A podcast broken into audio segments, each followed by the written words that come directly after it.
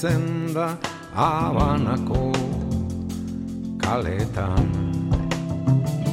Eta badiak kresalarena eta sala eta kroketa txinuena.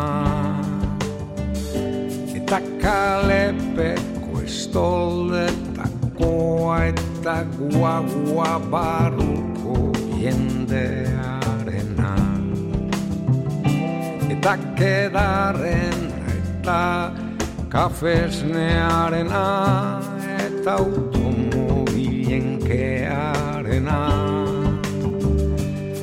Uaia pastela bezain goxua mobiua bezain zoroa. Os saludamos desde la Casa de la Palabra. Esta vez apuntamos hacia una ciudad universal como es Jerusalén y a un punto del Océano Atlántico africano como es la isla de Anobón. De Jerusalén nos habla nuestro compañero Miquel Ayestarán. Se ha instalado con su familia, donde ejerce de corresponsal en esta ciudad, como decimos, universal, dicen que también sagrada. Y es que está cautivado por la parte vieja de la ciudad.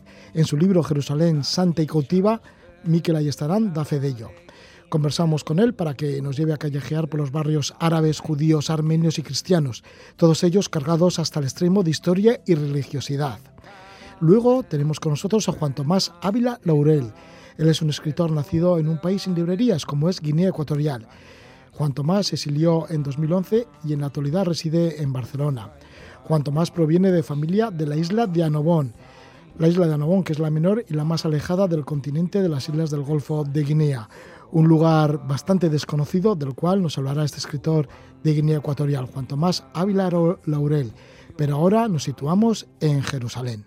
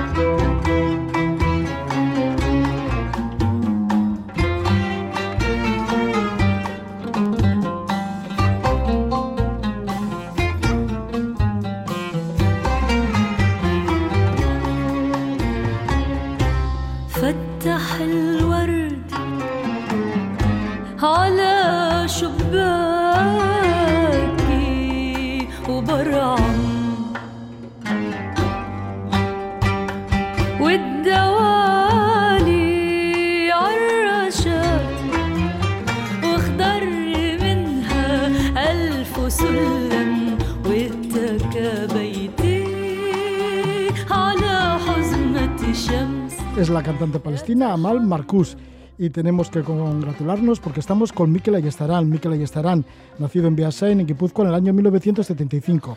Es corresponsal en Jerusalén, especialista en los conflictos abiertos en el Oriente Medio. Trabaja como redactor multimedia para distintos medios. En el año 2015 se trasladó a Tierra Santa con su familia para seguir desde allí la actualidad en la región en periódicos como del Grupo Vocento, también, ya sabéis, en EITV. Además, es socio y cofundador del colectivo de reporteros 5W. Ha publicado Oriente Medio, Oriente Roto, esto fue en el año 2017. Luego llegó a las cenizas del Califato en el 2018 y ahora está en las librerías Jerusalén Santa y Cautiva. Relata cómo se sienta con su mujer Aloña y sus dos hijos, sus dos niños, Ani y Telmo, que cuando llegaron tenían 3 y 5 años. Eh, va conociendo la ciudad mm, barrio por barrio, va recogiendo también personajes que le introducen en la forma de pensar de los palestinos, de los judíos, de los cristianos, de los armenios. Es una guía este libro para conocer Jerusalén, especialmente la ciudad vieja, y también para profundizar en una historia milenaria. Miquel Ayestarán llega desde Jerusalén para compartir con nosotros. Le agradecemos un montón. Gracias, Miquel, por estar con nosotros. Muchas gracias, Roger. Bien, Miquel, pues, eh, ¿por qué eliges Jerusalén para, para hacerlo centro de tus movimientos en otras ciudades que también barajabas, como el Cairo o Beirut? Bueno, hay, muchas razones, ¿no? Hice un, como dices, un casting regional, sobre todo fueron Beirut y Cairo y Jerusalén, fueron las tres eh, opciones y finalmente me decanté por Jerusalén, en primer lugar porque me parecía un lugar seguro, en el que igual poder vivir con, con mi familia. Es la primera vez que, vivimos en, eh, en, el extranjero, tenía que sacarles de Azpeitia y llevarles a, a un lugar de Oriente Medio y me pareció que Jerusalén era buena opción Y después hay otro motivo que para mí fue importante, que fue la presencia de, Eugenio García Gascón ahí, ¿no? un periodista y una persona a la cual respeto y quiero muchísimo y que durante todos mis años como, como enviado especial, su casa se había convertido en, mi casa, ¿no? era un auténtico ocupa ¿no? en, la, residencia de los García Gascón y, y, bueno, saber que él estaba allí me daba garantía, ¿no? tener una persona de tanta confianza allí y bueno, pues pensé a ver si se me pegaba algo ¿no? de, su, de su sabiduría en, los años que, que, íbamos a compartir. Eh, no sé, yo creo que son dos de los, de los motivos ¿no? que me llevaron, independientemente de que desde el punto de vista periodístico me parece, aunque me decían que el conflicto ya aburre, ya está agotado, eh, me he encontrado que hay todavía muchísimas cosas que, que contar, hay mucho que decir y, y, lo que es verdad, Roja, es que cada vez que aquello ruge, cada vez que pasa algo en Gaza, cada vez que hay un problema serio en, en la esplanada de las mezquitas eh, eclipsa a cualquier otra noticia de la región. ¿Por qué decides ir con toda la familia? Porque sé que cuando hace bastantes años también estabas buscando casa o algún apartamento en Teherán, en Irán, pero en este, en este caso, pues Jerusalén y con toda la familia. ¿Por qué?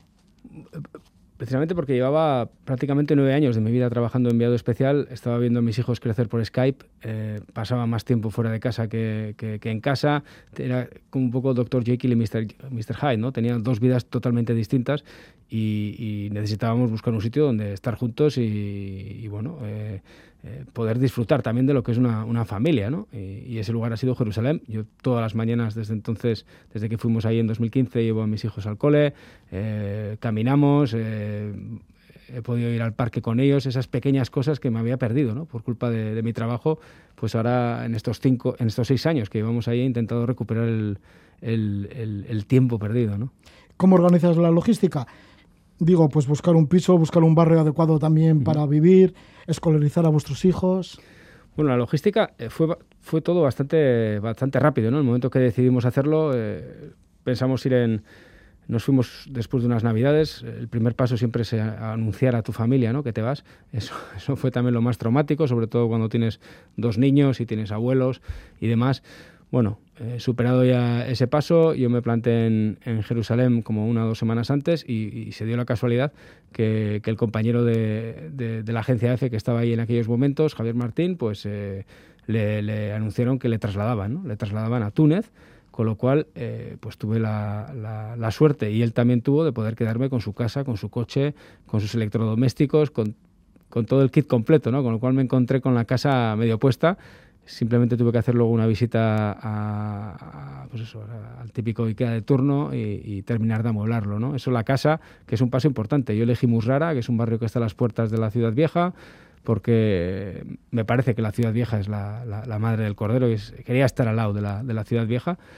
Y después, desde el punto de vista de la escolarización, como no tenía muy claro cuánto iba a durar esta aventura, pues tuve que optar por un sistema de, educación en un colegio internacional. ¿no? Entonces mis hijos estudian en un colegio anglicano, pasaron de, la, de una Icastola de Azpeitia a un, a un colegio anglicano eh, y cambiaron el, el monte Isarraez por el monte de los Olivos. ¿no? Hasta ahora, quizás algún día me lo, me lo echarán en cara, ¿no? pero de momento aguantan. No, seguro que es una experiencia buenísima para toda la familia, para cada uno de vosotros. Y ahí estás en el barrio de Musrara. Sí, también pues vas comentando diferentes barrios, sobre todo de la parte vieja, ¿no? De la ciudad vieja de Jerusalén. Pero bueno, el barrio de Musrara, que está un poquito más, más afuera. Y ahí comentas que desde tu balcón puedes observar incluso la cúpula dorada. Sí, sí. Eh, este, este, es el primer barrio que se hizo extramuros en el siglo XIX, la, la burguesía palestina, que estaba ya eh, cansada un poco de, los rigores de tener que vivir en una ciudad amurallada, ¿no? Vivían, eh, querían casas más amplias, querían hacer fiestas nocturnas, hay que tener en cuenta que la ciudad vieja se cerraba, se cerraban las puertas, con lo cual había que llegar a la hora. Eh, querían pues una vida un poquito más tranquila, ¿no? Entonces esta gente con, con capacidad y con dinero empezaron a construir a las puertas de la ciudad vieja de Jerusalén un nuevo barrio eh, un nuevo barrio que por un lado era una zona residencial con, con grandes eh, casas y jardines donde pues organizaban fiestas, donde había una vida que no se podía llevar en, eh, digamos, cerca, tan cerca de los lugares santos como, como dentro, de la, dentro de las murallas. Y luego había otra parte que era comercial, ¿no? lo que ha ocurrido en este barrio es que en los últimos, sobre todo tras las guerras del 48 y el 67, pues ha quedado dividido. Una parte quedó en, en poder de los israelíes, la otra parte en poder de los jordanos, y, aunque el muro ya no existe desde el 67, eh, el muro mental sigue existiendo. Bueno, pues sí, es, es que Jerusalén, ya lo dices, y, y, ya se ve una vez que llegas allí, es una ciudad muy compleja, ¿no? Simboliza tanto para varias religiones, simboliza tanto también políticamente, socialmente, históricamente. ¿Resulta difícil vivir en una ciudad como Jerusalén? Resulta intenso, resulta intenso. Es una ciudad donde la vida es, es muy intensa y, como decía eh, Amos Oz, el, el escritor israelí, eh, jerosalomitano, eh, que al final se, eh, su fuente de inspiración era Jerusalén, pero, pero se fue a vivir a Tel Aviv, como hace, como hace muchísimo judío laico, que ya no puede más con, con, con Jerusalén. Eh, lo que decía él es que un año de vida en Jerusalén era como cuatro o cinco años de vida en cualquier otra ciudad del mundo. ¿no? Cuando estás ahí metido, pues tampoco lo percibes, ¿no? estás en tu día a día, pero cuando la observas con distancia y ves la energía que, que, que requiere pues, vivir allí, comparto absolutamente la reflexión de Oz abruma ese carácter sagrado para judíos, musulmanes, cristianos de la ciudad vieja? Sí, abruma sobre todo eh, la capacidad que ha tenido cada una de estas narrativas religiosas de, de, de separar a, la, a, los moradores de la ciudad vieja. ¿no? Viven de espalda los unos a los otros. Están apenas unos minutos, tú lo conoces, caminando de, de los tres lugares santos, están prácticamente unidos. Y ahí lo que importa son las piedras y las tradiciones, ¿no? muy por encima de las personas. Sí, porque ahí están los lugares sagrados básicos ¿no? para estas religiones la esplanada de las mezquitas, también el monte del templo para los judíos y el muro de los lamentos y el salto al sepulcro. O sea que ahí ¿Sí? es todo en pocos metros cuadrados, ¿no? En muy pocos metros, metros cuadrados y sin embargo son, son tres lugares físicamente tan cercanos como espiritualmente alejados, diría yo, ¿no? Analizas cada uno de estos barrios dentro de lo que es la ciudad vieja, porque eres un enamorado de la ciudad vieja, ¿verdad? a mí, me, a mí es lo que más me interesa. No solamente yo creo ya de Tierra Santa, sino de, pues prácticamente en, en, Oriente Medio, me atrevería a decir. ¿no? La Medra del Cordero es esta ciudad vieja. ¿no? Eh, si llevamos tantos años de, conflictos y posconflictos, eh, esta es la fuente de todo eso. ¿no? Eh, sí, sí, me, me, interesa muchísimo y por eso quería dedicar este libro exclusivamente a, a la ciudad vieja, que, que, ha sido otra forma también de ayudarme a escribir, ¿eh? porque cuando te enfrentas a Jerusalén dices, joder, eh, ¿por dónde empiezo? ¿Por dónde agarro esto? ¿no? Y entonces limitarlo a la, a la, zona amurallada eh, me ha servido muchísimo, ¿no? Para, para, hacerme mi esquema mental y por ir trabajando barrio por barrio y lugar santo por lugar santo. Sí, que vas conociendo mucho estos barrios, que al principio igual estarías como muy perdido, pero como vas calle por calle, callejuela por callejuela, y lo bonito que haces al lector también que camine por sus calles, ¿no? Sí. Entonces ya mmm, sí que te empiezas a orientar un poquito más. Digo, porque hay tal barullo entre el barrio sí. musulmán, el cristiano, el judío.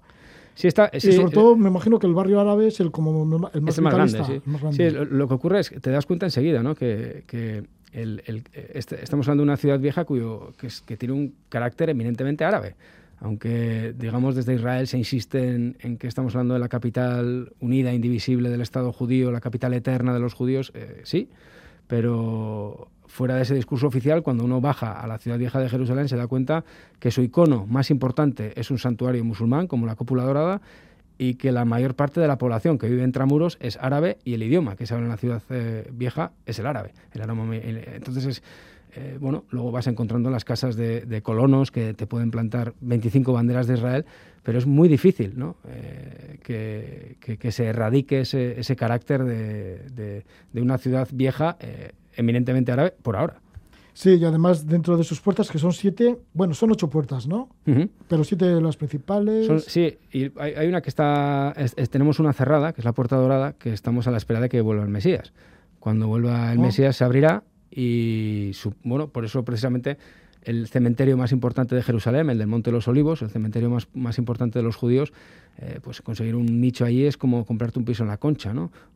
Es, es, algo... Porque lo que están es... Eh, la gente quiere ser enterrada allí porque piensan que cuando llegue el juicio final eh, ellos van a ser los primeros en acceder a, bueno, al monte del templo. El problema es que, claro, después de... han pasado dos mil años, ¿no? Eh, desde que comenzaron a hacer este cementerio, en este tiempo pues eh, han pasado por allí también los musulmanes. Y los musulmanes también han hecho su propio cementerio en el otro lado de la muralla. Y también están los franciscanos, que tienen su cementerio en la mitad, entre unos y otros.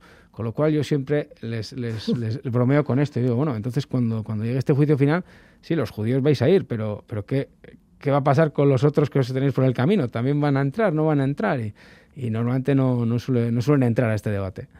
Sí, bueno, pues ya dices, ¿no? Que la ciudad vieja de Jerusalén, que está intramuros, bueno, pues que se nota que tiene más sabor eh, musulmán o bueno, más, bueno, diríamos árabe en general, ¿no?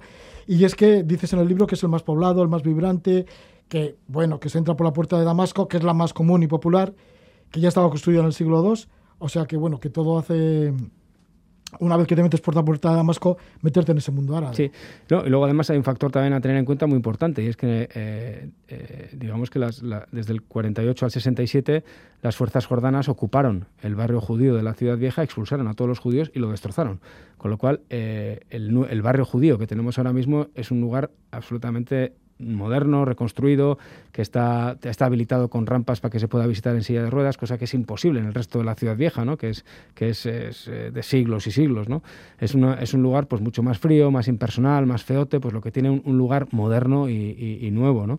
Pero es el precio que, que, han tenido que pagar por, por, por, en la última guerra. ¿no? Y eso es una auténtica pena. ¿no? Eh, expulsaron a los, a los árabes que estaban... Expulsaron a los judíos que estaban a los Judíos. A los judíos que estaban allí desde el año 48 al 67 en la, en la ciudad vieja no quedó un solo judío, los expulsaron a todos. Eh, las fuerzas jordanas. Entonces, eh, eh, no solamente les expulsaron, sino que arrasaron su barrio, ¿no? en su, la zona donde vivían. Y, por eso, quizás ahora dices, bueno, el carácter sí que es eminentemente árabe, pero hay que tener en cuenta lo que ha pasado en los últimos años. ¿no? eso quedó arrasado, no quedó, no quedó un judío entre el 48 y el 67. Sin embargo, ahora sí que los judíos están ocupando parte de, de algunos de estos barrios. ¿no? Sí, sí, ahora en el año 67, con la llegada de, con la victoria en la Guerra de los Seis Días, Israel recupera toda la parte oriental de Jerusalén y entre ello la Ciudad Vieja. Y lo primero que hace es, eh, volver al, barrio judío y también lo que hacen los israelíes es derribar todo lo que era el antiguo barrio marroquí que se llamaba, porque eh, para poder hacer una plaza delante del Muro de los Lamentos que en el Muro de los Lamentos antes apenas había un metro y medio entre la pared y la primera casa.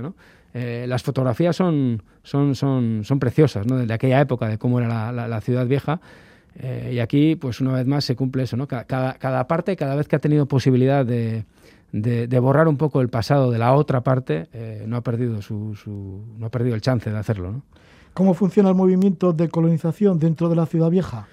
Bueno, es, es yo creo que es la, la máxima prioridad, ¿no? Eh, intentar ocupar y intentar, esta, intentar judaizar eh, la mayor parte del territorio posible cerca, de, cerca del Monte del Templo. Ese es el gran objetivo de, del ultranacionalismo sionista y, funciona, pues, eh, digamos que todo lo que es el movimiento de ocupación es un, es un movimiento absolutamente apadrinado por el, por el gobierno, por las autoridades, no es algo que, que, que surge de la nada, ¿no?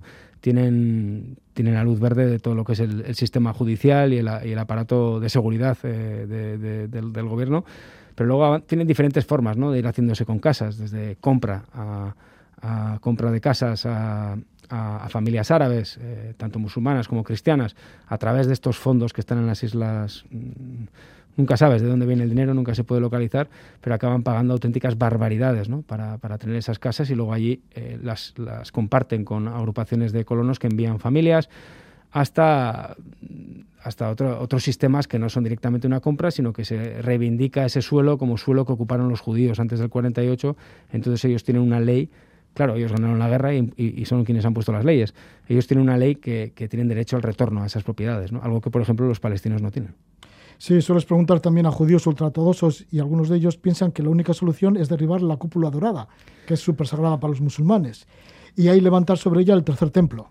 Claro, es que eh, en lo que tenemos, eh, eh, el gran conflicto religioso que tenemos montado ahí es que la esplanada de las mezquitas es el tercer lugar más sagrado del mundo para musulmanes, pero es el lugar más sagrado del mundo para los judíos, porque allí piensan que estaba el, primer templo, ¿no? Y ahí estaba también la piedra del sacrificio.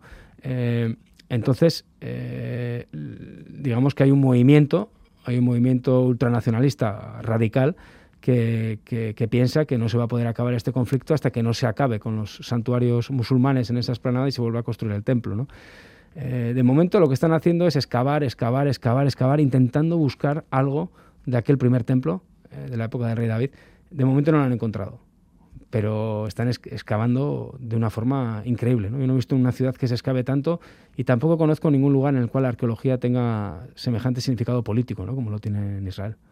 Sí, porque para todos es importante, ¿no? Para las diferentes religiones, para esas tres religiones monoteístas. En el caso, por ejemplo, de en el barrio musulmán también se encuentra la Vía Dolorosa, que es el camino que recorrió Jesús con la cruz a cuestas hasta el Golgota. O no, o no. O no. Por eso que también preguntas a gente sobre, sobre el tema.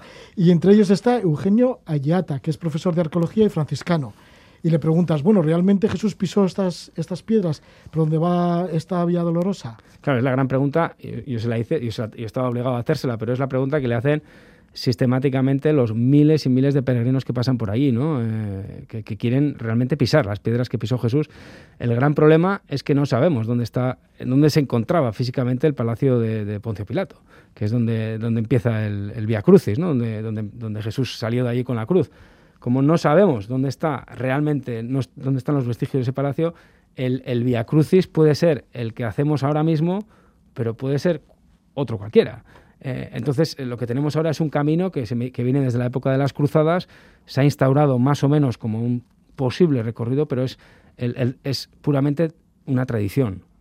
No, los, eh, los franciscanos son serios, son los custodios de, los lugares santos allí y, ellos te dicen claramente, ¿no? O sea que no. Ellos, por ejemplo, van moviendo las estaciones, eh, las, las, estaciones del Vía Cruz y las mueven en función de donde tienen mejor hueco para los grupos de turistas, ¿no? Eh, entonces dicen, bueno, aquí es realmente donde cayó Jesús con la cruz y vino, y, pues eh, bueno, pues quizás sí o quizás no, pero es ya un tema de fe, Roger. Sí, tema de fe. Bueno, y además está bien el libro porque también es como una guía, ¿no? Para cuando te metes ahí en la ciudad vieja, saber a dónde acudir o cuáles son los establecimientos con más con más solera, ¿no? Por ejemplo, junto a la quinta estación está el restaurante de Abu Sukri, especialista en hummus acompañado de falafel y ensalada de tomate. Es una maravilla, sí. Que debe tener una tradición ya tremenda. Sí, sí, son sitios con, con mucha tradición y muy conocidos, eh, muy muy castizos, diría yo, ¿no? Muy, muy ahí de, lugar.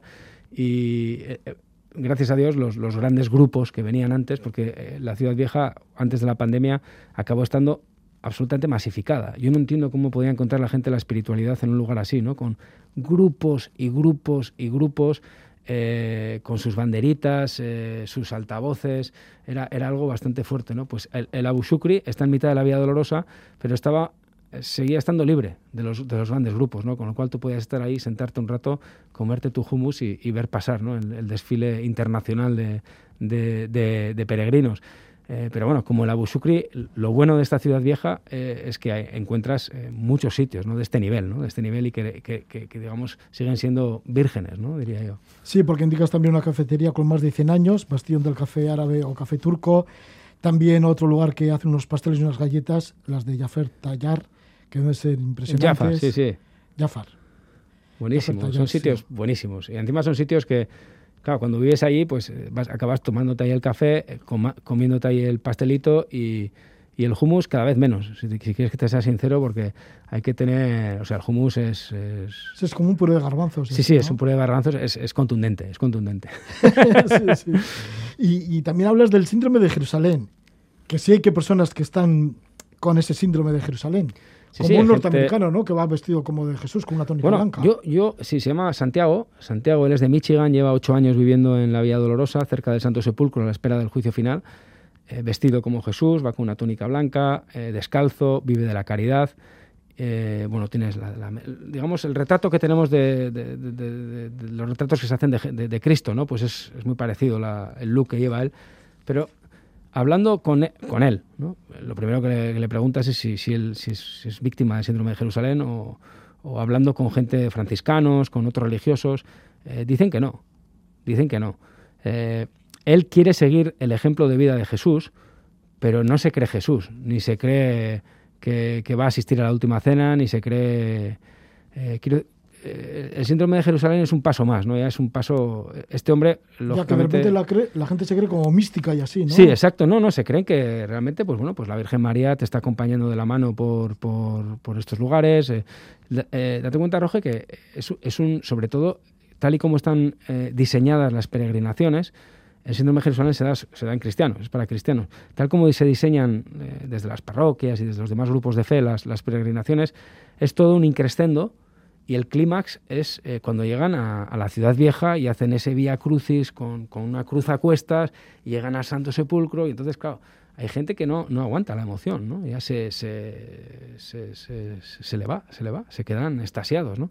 He visto, sí, algunas, algunas confesiones públicas ahí, algún tipo de situaciones de gente que está superada, ¿no? Pues, pues no sé, muchos que pueden tener problemas en sus países de origen, que van ahí a curar todos sus males, a, intentar redimir todos sus pecados.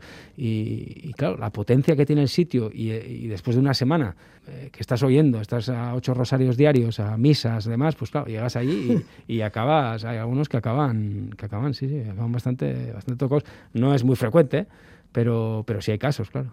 Sí, pero Jerusalén sí que tiene algo de especial, ¿verdad? Cuando estás en el Monte de los Olivos, que también será, me imagino, uno de tus sitios favoritos, ahí no se respira algo especial. O por lo menos viendo la ciudad y la ciudad vieja desde, desde el Monte de los Olivos. sí, sí, la, ciudad es, es, claramente un lugar eh, especial. ¿no? De, hecho, que llevemos eh, miles y miles de años los hombres eh, matándonos por Jerusalén, le, confiere una personalidad que no tienen otros lugares en, en la región. ¿no?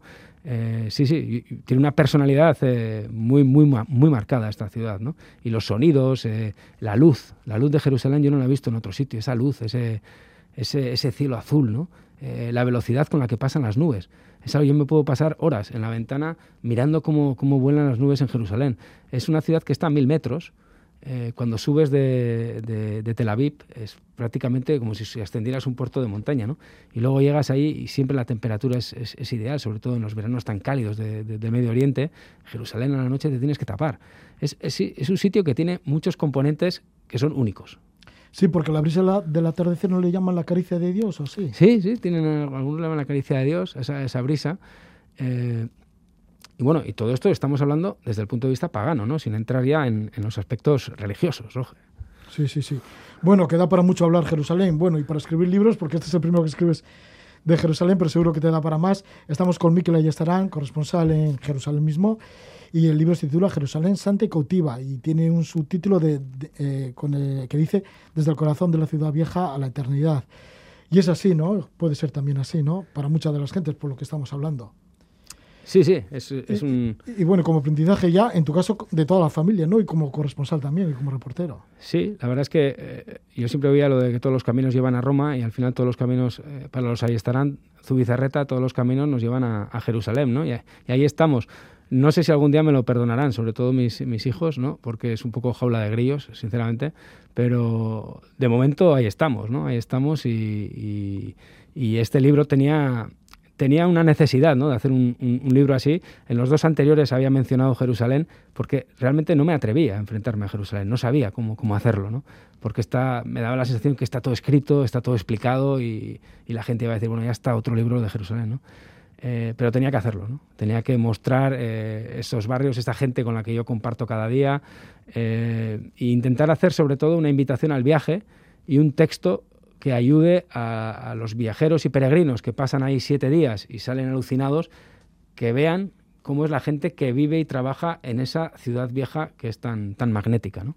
Pues yo creo que lo has conseguido y además con creces porque la verdad una vez que empiezas a leer el libro es que te arrastra y te arrastra y, no paras de, leerlo. Este es el libro de Miquel Ayestarán, Jerusalén Santa y Cautiva, que lo edita Península. Gracias por ello, Miquel Ayestarán. Muchísimas gracias, Roja.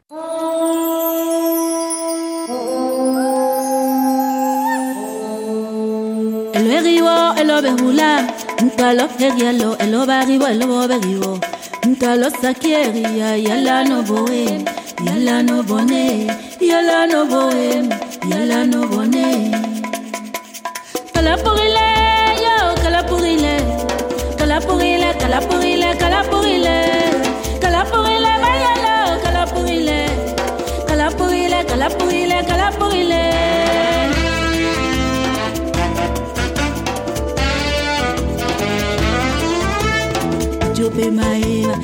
boto nalo ala be alabe botoba ieba ewela nalo agopa botope maeba eboto nalo ala be alabe botoba ieba ewela nalo agopa ebatona benipi abele balirega yama baloka bola abele balekicho bobi o oh, chilabe eupiale babopeye chocho wale aye eupiale babopeye chocho wale aye kalapogile Es la música de Paloma del Sol. Anteriormente estuvo en el grupo Las Hijas del Sol, Paloma del Sol, con ese tema Tío Tío Wale. Está cantado en Bubi, la lengua Bubi, que es de la isla de Bioko. Y en la isla de Bioko, en Malabo, en la capital, nació nuestro invitado, Juan Tomás Ávila Laurel. Es uno de los escritores de Guinea Ecuatorial más premiados y más prolíficos. Su familia es originaria de la isla de Anobón y él nació en el año 1966 en Malabo, en la isla de Bioko. Enfermero de profesión, su obra literaria abarca diferentes géneros. Es autor de varias novelas, obras de teatro, poesía, ensayo, guiones cinematográficos, como por ejemplo el titulado Un día vi 10.000 elefantes. Ha creado también su propia editorial, Ediciones Pangola.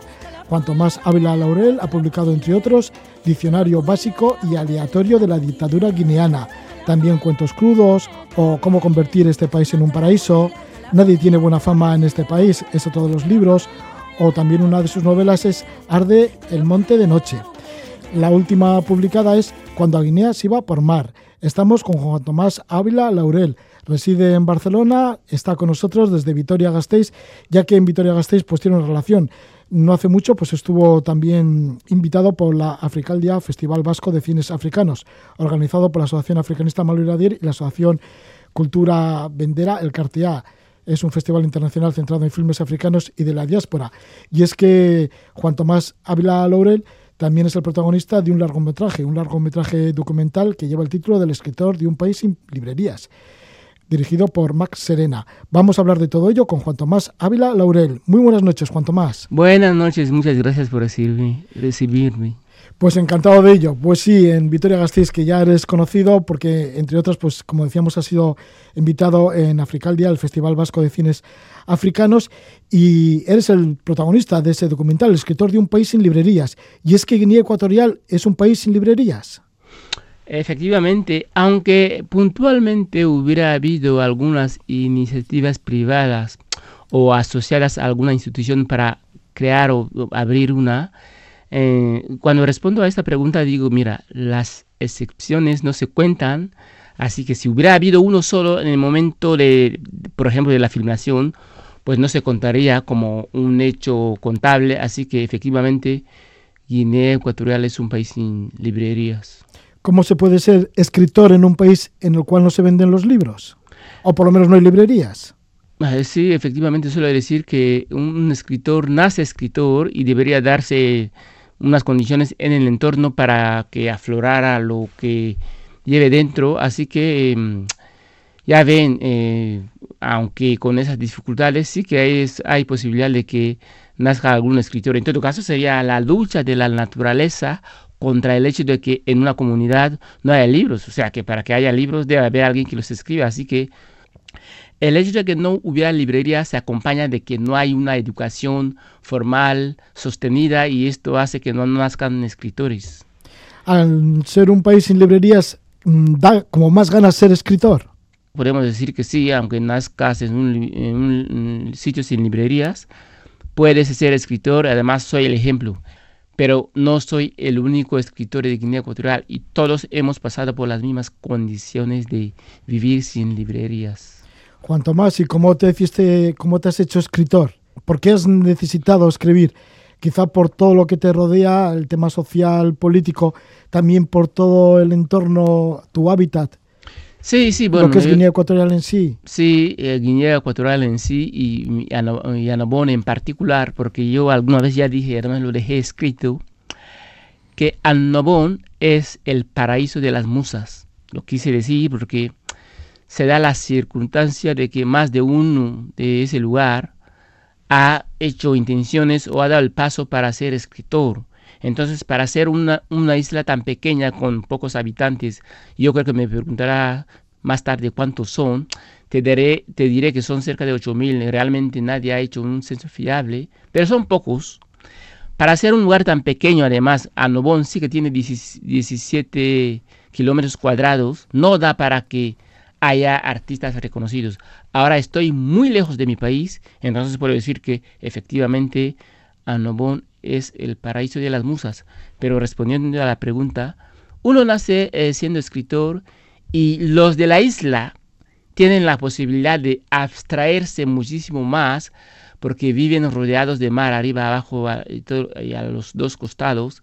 Y entonces, pues, eso le da la posibilidad de recrear un mundo, bueno, de pensar en lo que habría más allá de las, de, las, de las aguas, o sea, allende los mares. Y entonces, pues, por a base de pensar en que lo que habría, supongo que saldría algo. Sí, que ya sois soñadores desde, desde que nacéis. efectivamente, Sí, los naturales de la isla de Anobón.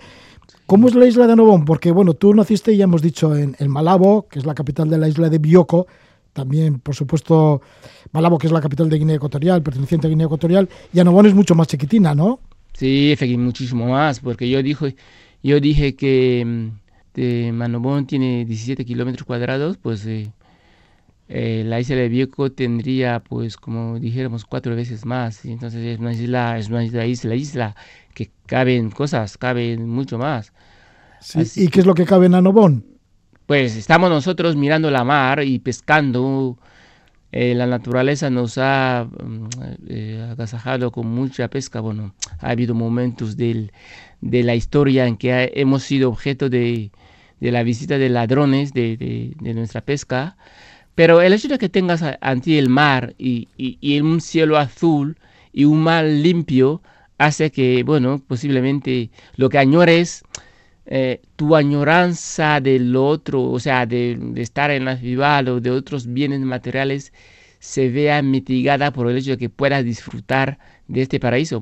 Anobón, eh, mm, geográficamente sí que lo es, por posiblemente no tenga muchas playas de agua arena blanca, pero la única que hay que está enfrente de donde sería la capital y las cosas escarpadas y además la abundancia de pesca y además el color de la mar, la limpieza, bueno, la, limpidez, yo lo diría así, del mar hace que efectivamente sea un lugar en que podamos eh, llamar paraíso. un paraíso. paraíso para cuando no tienes estas ansias de salir, ¿sabes? Lo que puede estar en un paraíso y no, no estar mirándolo, ¿sabes? Porque el hombre eh, se le ha creado y también se le ha endosado algunas necesidades que tienen que, ser cubiertas y muchas veces eso hace que el paraíso no lo veas. Ese paraíso, bueno, por lo menos tienes el privilegio de tener familia allí en Anobón y, ser de, allí, de, la isla de Anobón. Pero ¿cómo es la cultura novesa? Y esta cultura novesa es una cultura sometida también por el régimen que, gobierna Guinea Ecuatorial.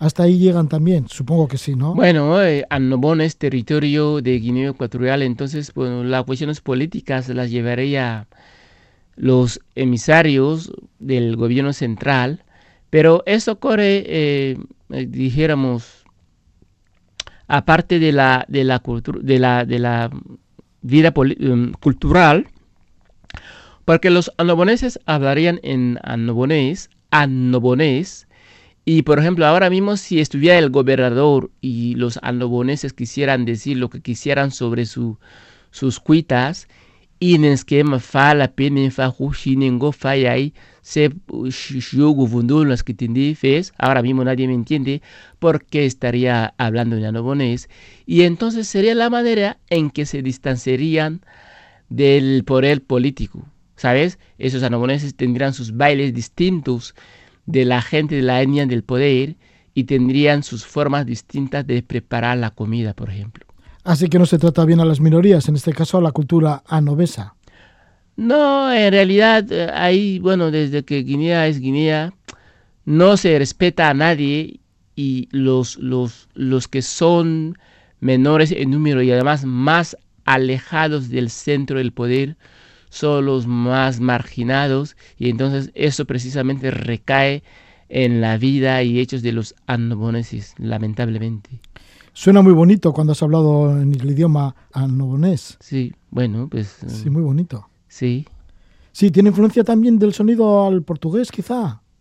Sí, el anobonés es un, es un dialecto del portugués, porque mm, los, eh, los portugueses poblaron la isla y el hecho de que hubiera la, alguna intención de relacionarse con los portugueses, que son los que, bueno, vieron la isla por primera vez desde el punto de vista europeo, hizo que hubiera esa relación entre, bueno, los nativos anaboneses y Portugal, y pasó a ser que la lengua que hablaron fue un, un criollo de portugués, así que efectivamente eh, habría alguna palabra suelta y algún sonido que recordara esta lengua, efectivamente. Sí, los primeros europeos que pasaron por allí fueron los portugueses, como bien mencionas, pero hay que decir que fue colonia española, como fue todo Guinea Ecuatorial. ¿Y hay memoria de esa época colonial todavía? ¿Queda memoria de eso? ¿Queda documentación? Porque al ser un país sin librerías, con bastantes escritores y muy buenos escritores como es tu, como es tu caso, pero ¿se recoge esa memoria? Sí, yo no habría alguna cosa diseminada por alguna literatura de algún autor. Yo mismo he hecho incursiones, por ejemplo, uno de mis primeros libros, yo creo que mi primera novela se tituló La carga y habla de las relaciones entre nativos y españoles en un sitio remoto eh, que se llamó Río Benito, que por poco, por poco no es eh, otro sitio que sí tiene relación con el País Vasco, que es em, lo que se llamó Puerto Iradier, que ahora se llama Cogo, porque bueno, sabéis la relación que hay entre Iradier, Puerto Iradier, Cogo hoy con un nativo de, del País Vasco que es Manuel Iradier Bulfi. Sí, de Vitoria Gasteiz, en donde te encuentras. Sí, y, lo que decíamos es que sí, bueno, queda alguna memoria eh, oral, incluso, incluso hay memoria oral, porque fíjate tú que en la parte donde se conoció como Río Muni, que sería la parte continental, los nativos de esta zona eh, son los Fan, en la época colonial se les conoció como Pamuis, y esos fans, pues fíjate tú que tienen un baile que se llama Olaechea.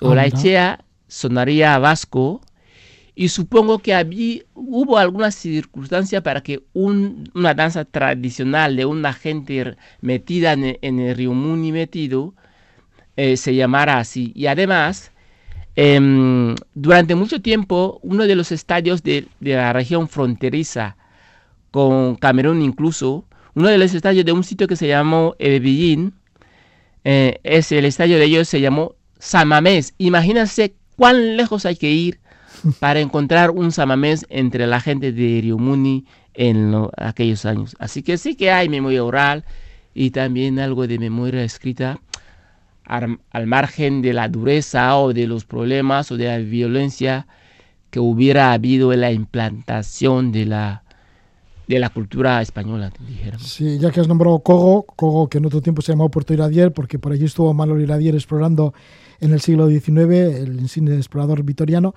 Bueno, pues en Cogo, por ejemplo, el último, antes, en la, en la época de la colonia, el último alcalde blanco fue de Bilbao, que le entrevisté ya hace mucho tiempo. Y bueno, pues había por allí empresas madereras, porque tuve la suerte de estar por allí, por Cogo y vi muchas empresas madereras que pertenecían a vascos y muchos detalles ¿no? de, esa huella dejada en otro tiempo. Mm, estamos ahora mismo pues, con uno de los grandes escritores de Guinea Ecuatorial, como es Juan Tomás Ávila Laurel, que se encuentra en Vitoria-Gasteiz. Y mire, me gustaría preguntarte por el contenido de tus, de tus libros, ¿no? Por ejemplo, el último de los cuales, Cuando a Guinea se iba por mar. ¿Cuál es el contenido de este libro? El, libro es una novela mm, supuestamente histórica o pretendidamente histórica va sobre las relaciones entre, otra vez, entre nativos guineanos y españoles en tiempo de la colonia, en los años 50 por ahí. Pero empieza con el interés particular de un español, que en la novela se llamó Panes de Palacio, ojalá hubiera sido vasco, no, no estoy muy seguro de que fue así, que quiso conocer, eh, eh, eh, quiso conocer el rastro de un, um, de un eminente eh, navegante español que fue el conde de Argelejos. Entonces, bueno, con la excusa esta, recorrió casi toda la Guinea Ecuatorial porque en cada sitio en que iba no encontraban referencias muy fuertes sobre el paso de aquel marino o sobre cómo, eh, eh, cómo fue su, su final, cómo fueron sus últimos días, qué es lo que quería saber, porque tenía, había entre ellos una relación familiar. Así que esa novela, con el pretexto de que ese hombre no encontraba en cada punto de la Guinea Ecuatorial lo que buscaba, pues recorrió casi toda la Guinea y dio pie a que se, se describieran las relaciones de los nativos con los españoles que habían entonces y bueno, da una novela bastante llamativa y es un, yo creo que es un libro que todo español con cierta inquietud tiene que leer porque habla de cuando ellos, cuando se iba a Guinea por mar precisamente porque Guinea Ecuatorial no siempre tuvo aeropuerto y esos viajes tan largos siempre se hacía por mar. Sí, llegar a Guinea Ecuatorial, que por aquel entonces era una provincia española, fíjate, en tiempos de la colonia. Sin embargo, quedaba como así, como, pues, como muy lejano, ¿no? Como muy exótico todo. ¿Y cómo era el trato? ¿Cómo se recuerda el trato de los colonos españoles con la gente del lugar? Bueno, está claro que mm, el, la colonia, la colonización es un hecho violento, es un hecho mm, no deseable, entonces eh, supongo que habría de todo, pero ah, primero hay que decir que la colonización es un hecho mm, no deseable, toda vez que cuando tu paso por una comunidad eh, es para imprimir tu carácter o tus formas, tu visión a esta población, entenderás que habrá algún tipo de resistencia y esa resistencia muchas veces se suele limar o, aplastar con algún tipo de violencia. Saben como el ser humano siempre tiende a olvidarse de esos, esos aspectos ásperos, lo más probable es que si encontráramos a gente que hubiera estado en la época colonial, que hay muchos en España todavía, no recordaran esos aspectos e incluso que los mismos guineanos que los padecieron no los recordaran. Así que pues diría que hubo de todo, pero hay que empezar diciendo que es una colonización y la colonización no es precisamente ir ahí a un sitio a dar besos a nadie. Desde luego. Otro de tus libros, llevas como 15 libros publicados, lleva el título de ¿Cómo convertir este país en un paraíso? ¿De qué trata? Sí, precisamente yo estaba haciendo reflexiones sobre cómo es que estamos en esa postración teniendo tantos elementos para estar mejor, ¿sabe? Entonces yo enumeraba más o menos los elementos que yo creo que si se acometieran, o ideas o lo que fuera, que nos haría de Guinea un país mejor. Entonces un país mejor sería como un paraíso teniendo en cuenta la, el hecho natural, el hecho, el hecho geográfico. Así que, ¿cómo convertir este país en un paraíso? Y después eh, hay el subtítulo, otras reflexiones sobre Guinea Ecuatorial. Yo hago como pongo sobre el papel o sobre donde sea lo que sería la receta para hacer de Guinea un sitio mejor. ¿Y cuál es esta receta?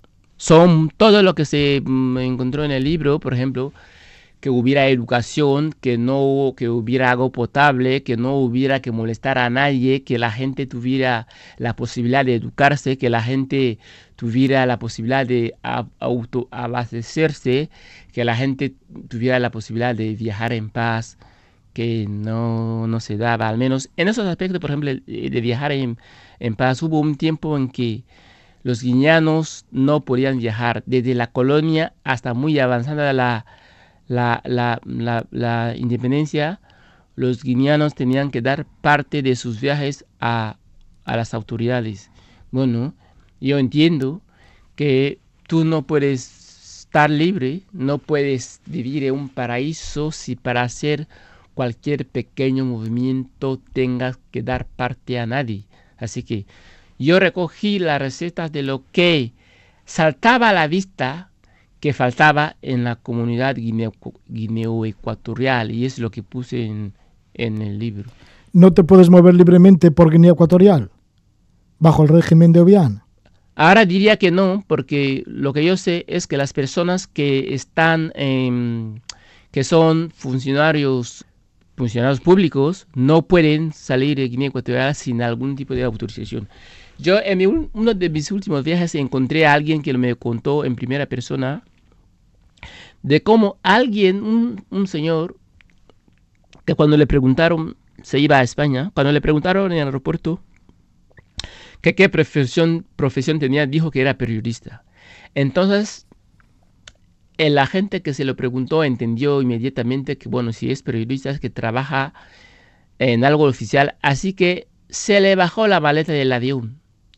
Cuando creíamos que efectivamente ya había terminado esta, esta imposición sobre los guineanos de viajar, sí que encontramos que los funcionarios no pueden viajar si quisieran.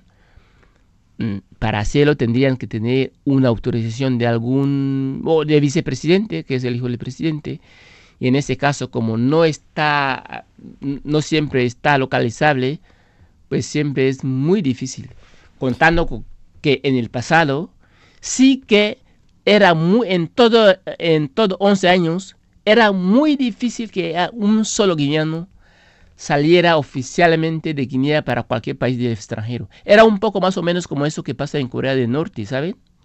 Pues sí, sí. y en tu caso, Juan Tomás, saliste de Guinea Ecuatorial en el año 2011, después de una huelga de hambre. Sí, efectivamente. Una huelga de hambre que hiciste en oposición al régimen de Obiang. Sí, sí. Al presidente de tu país. Sí.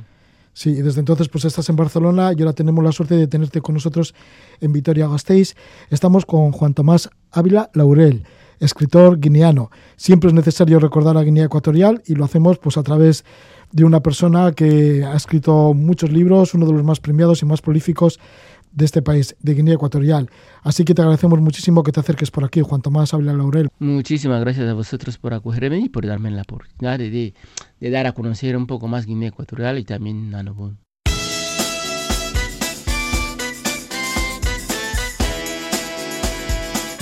La entrevista con el escritor de Guinea Ecuatorial, Juan Tomás Ávila Laurel, la emitimos en el programa Levando Anclas el 13 de febrero de 2022 y la entrevista con Miquel Ayestarán, que os hemos presentado en primer término, sobre su libro Jerusalén Santa y Cautiva, lo emitimos el 30 de junio de 2021 en el programa La Casa de la Palabra.